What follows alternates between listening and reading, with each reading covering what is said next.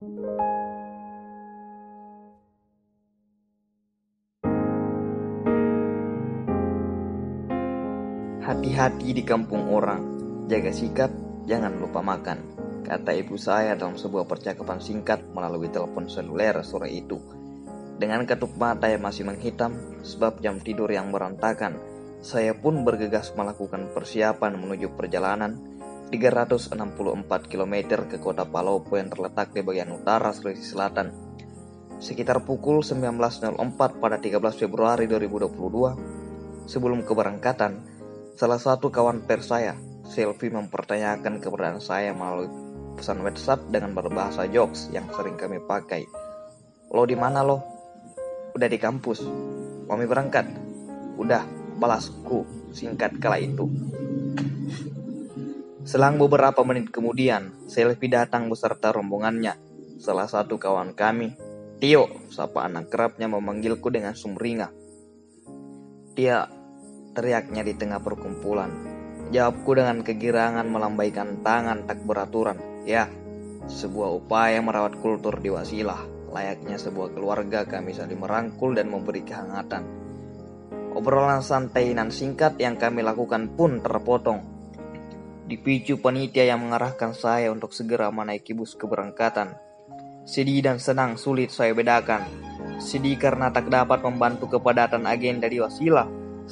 Senang sebab rasa penasaran terhadap kota Palopo yang menghantui pikiran akan tuntas terbayarkan. Bus yang saya naiki itu penuh dengan kawan seangkatan. Hanya beberapa orang yang saya kenali. Tak ingin duduk sendirian, saya pun menyapa seorang kawan yang sedang duduk diam pada kursi kanan urutan ke-6 bus itu. Kuajak dia duduk bersama sembari berkeluh kesah tentang ngaretnya jam keberangkatan. Ira, katanya saat memperkenalkan diri. Tepat pukul 21.24 malam, setel nyanyian lagu Dulu oleh Danar Widianto menjadi penanda keberangkatan meninggalkan sejenak hiruk pikuk kebisingan metropolitan Samata dan segala polemiknya. Asing, kita adalah teman, kita semua saudara, ucap Pak Febri. Dosen pembimbing kuliah kerja lapangan KKL setelah pembacaan doa bersama sebelum keberangkatan. Enam kata tersebut nyatanya masih asing bagiku. Bagaimana tidak? Keenam Enam bulan dua minggu tak cukup bagi kami untuk mengilhami kata saudara sebagai julukan ternyaman. Kami diperintah oleh keadaan untuk tetap diam di suatu sisi. COVID-19 menjadi penghalang bagi kami untuk saling berbagi emosi, tawa dan duka atau bahkan hal kecil lainnya seperti mempertanyakan bagaimana bentuk jilbab seusai kuliah di lantai 4 kampus peradaban itu. Pada 7 Februari silam, saat pembekalan KKL di lecture teater fakultas, salah satu dosen pembimbing kami, Ibu Eki mengatakan KKL ini merupakan pertemuan angkatan terakhir sebelum kelulusan. Dan kami diarahkan untuk memanfaatkan momen sebaik-baiknya. Sepakat dengan pernyataan tersebut. Ini memang sebuah pertemuan terakhir, namun bagiku tidak berkesan untuk kami yang selayaknya saudara. Kami sering berkumpul hanya dalam perkumpulan kelas untuk bersuah foto, makan bersama, bercanda bersama, dan seketika lupa bahwa kita adalah satu imperium. Tanpa disadari pun untuk mengusulkan foto bersama angkatan tak terlintas di benak. Sekte-sekte antar golongan pun terlihat jelas dan tak bisa dihindari. Bukan terlambat, tapi kita belum mencoba untuk hal baru yang sangat ragu.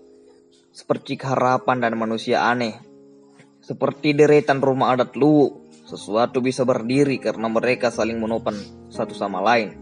Kita saling berjajar untuk kesatuan yang sama, saling bahu-membahu dan memberikan pemanis untuk sebuah tempat yang pantas disebut rumah dan keluarga. Untuk segala polemik yang kerap terjadi, biarlah lepas bersama, angin yang terhempas bersama bus kala itu. Masih ada harapan, kata Irham. Kawan seperjuangan, pada sudut bus itu, saya melihat manusia aneh. Sikapnya selalu menimbulkan galak tawa. Sopaan sok, sok akrabnya ke kawan lain selalu menimbulkan pertanyaan. Sudah berapa orang yang kau sapa? Tanya aku keheranan. Alif, Bima, Ira, Rahim, Rahmat, Irwin, Laja, semua orang yang baru ku kenal. Balasnya dengan semangat. Atau mungkin sapaan khasnya kepada setiap kerumunan manusia. Hai guys, say hello guys, seolah tak peduli dengan komentar orang lain. Manusia itu selalu memberi kesan yang hangat, seperti pada tingkahnya di taman bermain lapangan Pancasila. Manusia itu mengikuti kawan lain yang bermain seluncuran anak karena bosan menunggu waktu pulang, waktu pulang ke Samata katanya. Pun tak lama saya berpikir, mungkin sikap aneh itu yang kami butuhkan untuk dapat kembali merangkul kita agar akur. Duka, pada 10 jam 34 menit perjalanan menuju kota Palopo, sebuah notifikasi muncul di HP saya. Sebuah pesan singkat dari kawan Iksal mengujudkan seluruh penghuni bus pagi itu. Saya membacanya jangan cermat. Telah berpulang ke rahmatullah, ibunda daripada saudari Anissa Aberlian Jamila. Salah satu kawan bertanya khawatir, jadi bagaimana Mi Berli? Pulang ki, di bus mana Mi sekarang? Deh, padahal satu jam mami sampai Mi. Balasku diam kebingungan.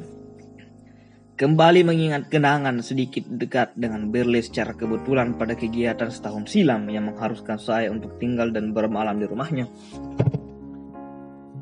Nama Hun membacakan Al-Fatihah, ucap Pak Febri tergabung pada grup WhatsApp berbalut KKL 2019. Ikhlas untuk kedamaian yang kekal dan abadi, bencana alam. Pada hari pertama kunjungan, saya bertemu dengan kawan lama yang cukup akrab, Lupi. Dengan gaya rambut yang berbeda, saya memperhatikan dengan seksama. Pikirku dalam hati, Lupi botak dan malu menampakkan rambutnya, sehingga menggunakan wig sebagai penutup kepala.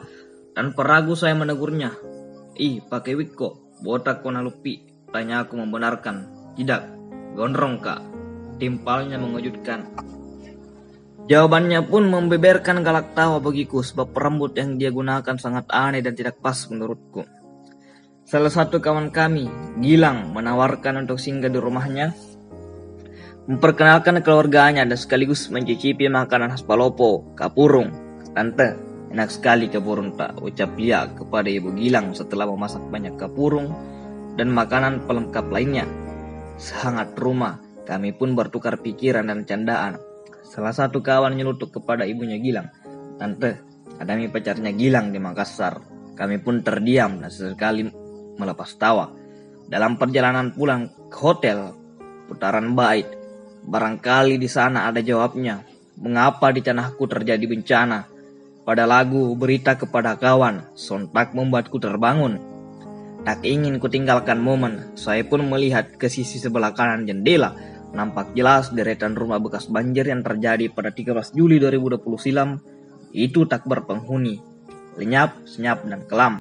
Rumah pada instastory WhatsApp salah satu kawan saya, Aldi tepat pukul 15.08, latar warna peach salem bertuliskan Rindu Palopo menjadi titik awal bagi kami meninggalkan rumah. Saya menyebutnya rumah sebab perkataan Opu Matua Cendak saat menghadiri acara sebagai narasumber dalam seminar rangkaian kegiatan KKL menyebutkan barang siapa yang tinggal selama tiga hari di tanah lu, makan makanan orang lu, memikirkan kebaikan orang lu, maka orang lu lah dia.